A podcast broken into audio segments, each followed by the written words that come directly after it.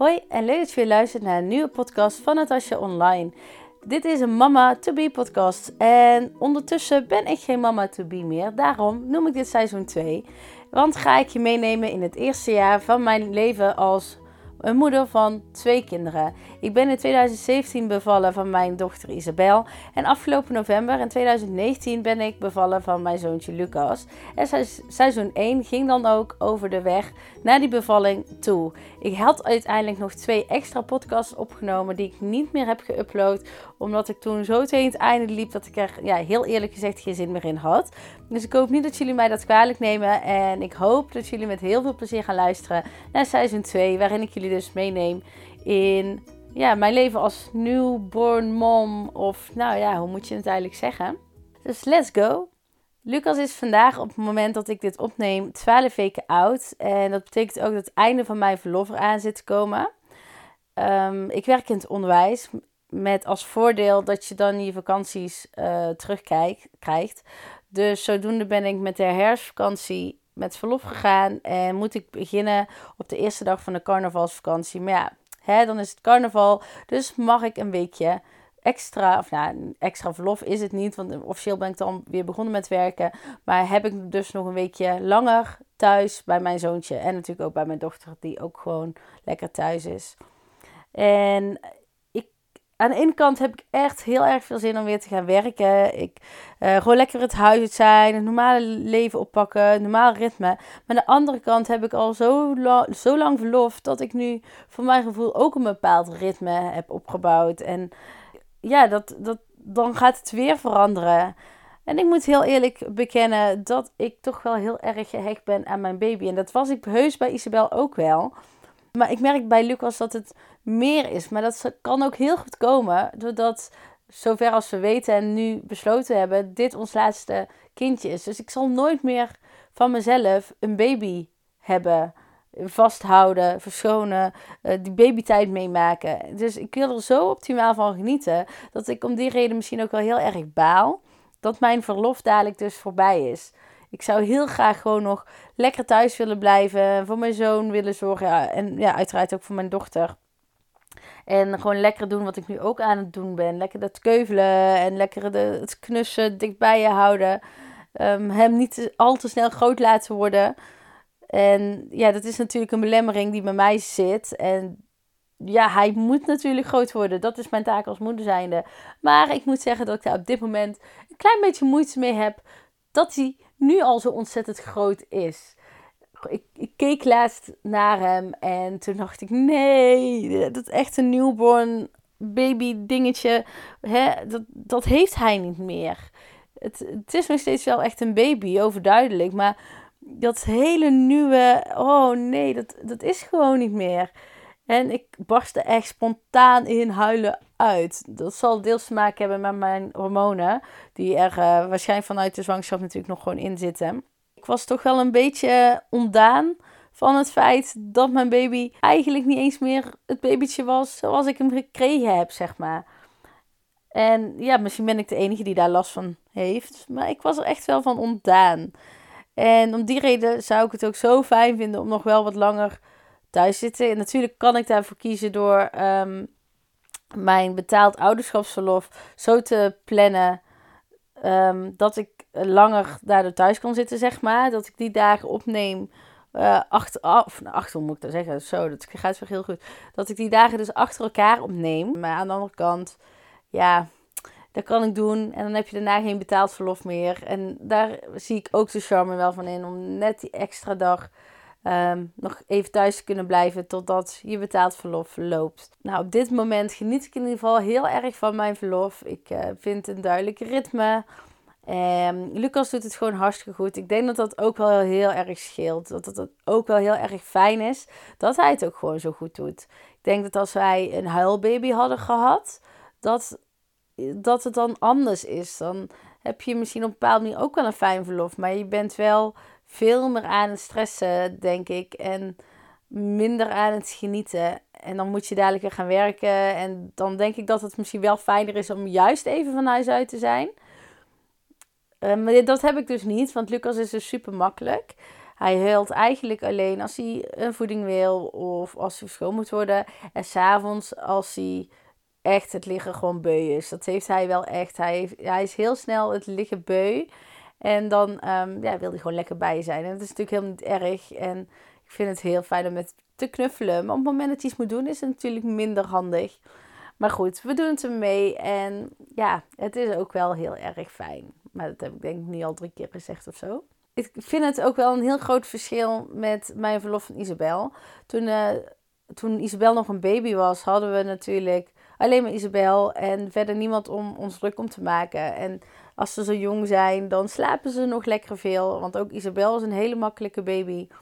Dus die, uh, ik voedde Isabel en dan legde ik haar in de box of ik liet haar bij mij liggen. Ik kon werken aan mijn blog of YouTube kanaal. Ik kon uh, series kijken. Um, weet je, gewoon alles heel relaxed doen.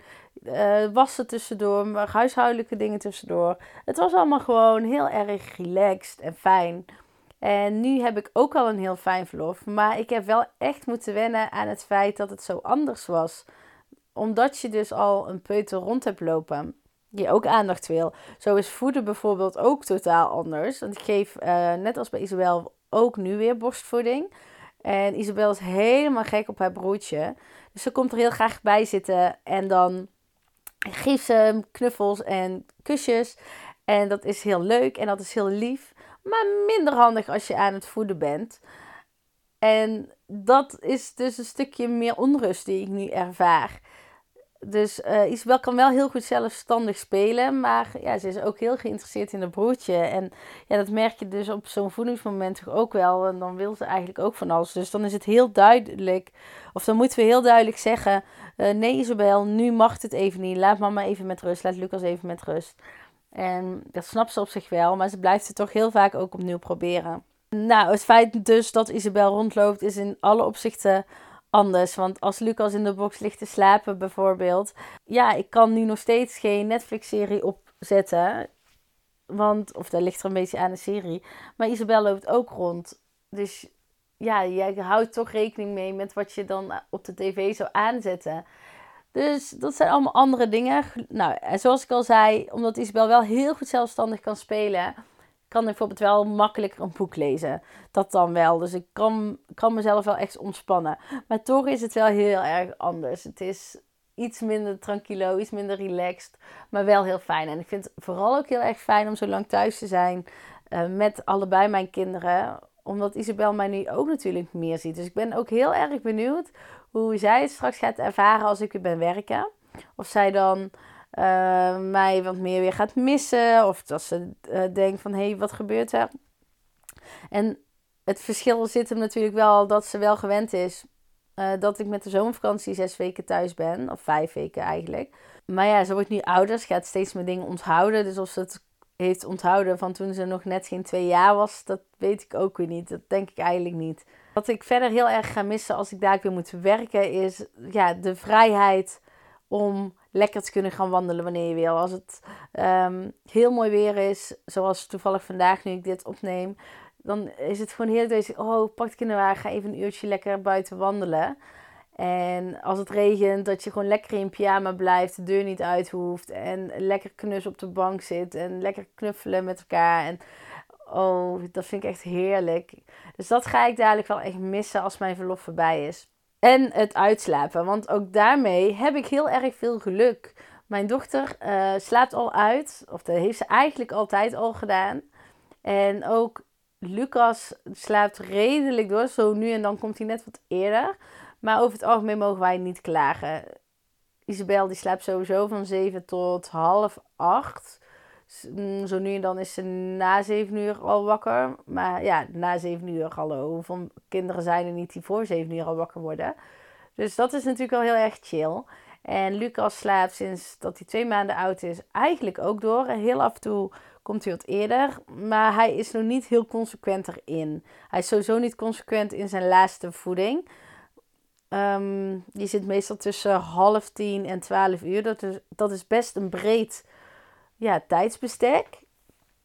En eigenlijk maakt het niet zo heel veel uit hè, wat je merkt hoe laat hij naar bed gaat. Ik dacht eigenlijk dat als hij na 11 uur naar bed ging, dat hij dan dus vroeger zou komen. Maar ik denk dat dat gewoon toeval is geweest, dat dat iedere keer is gebeurd. Maar ja, meestal zit Lucas nu in de ochtend tussen 6 en 9 uur. Dus dat is ook best een ruim tijdsbestek. Dus ik kan er nog geen touw aan vastknopen per se. Van hey, hier ligt het aan, hierdoor slaapt hij langer door. Maar in principe hebben we geen nachtvoedingen meer. Dus het feit dat hij dan bijvoorbeeld om 6 of 7 uur komt. Of ja, vooral 7 uur, 6 was ook een uitzondering. is eigenlijk um, ja, best heel erg fijn. En valt toch onder de noemer uitslapen. Dus ja, dat is ook heel erg fijn.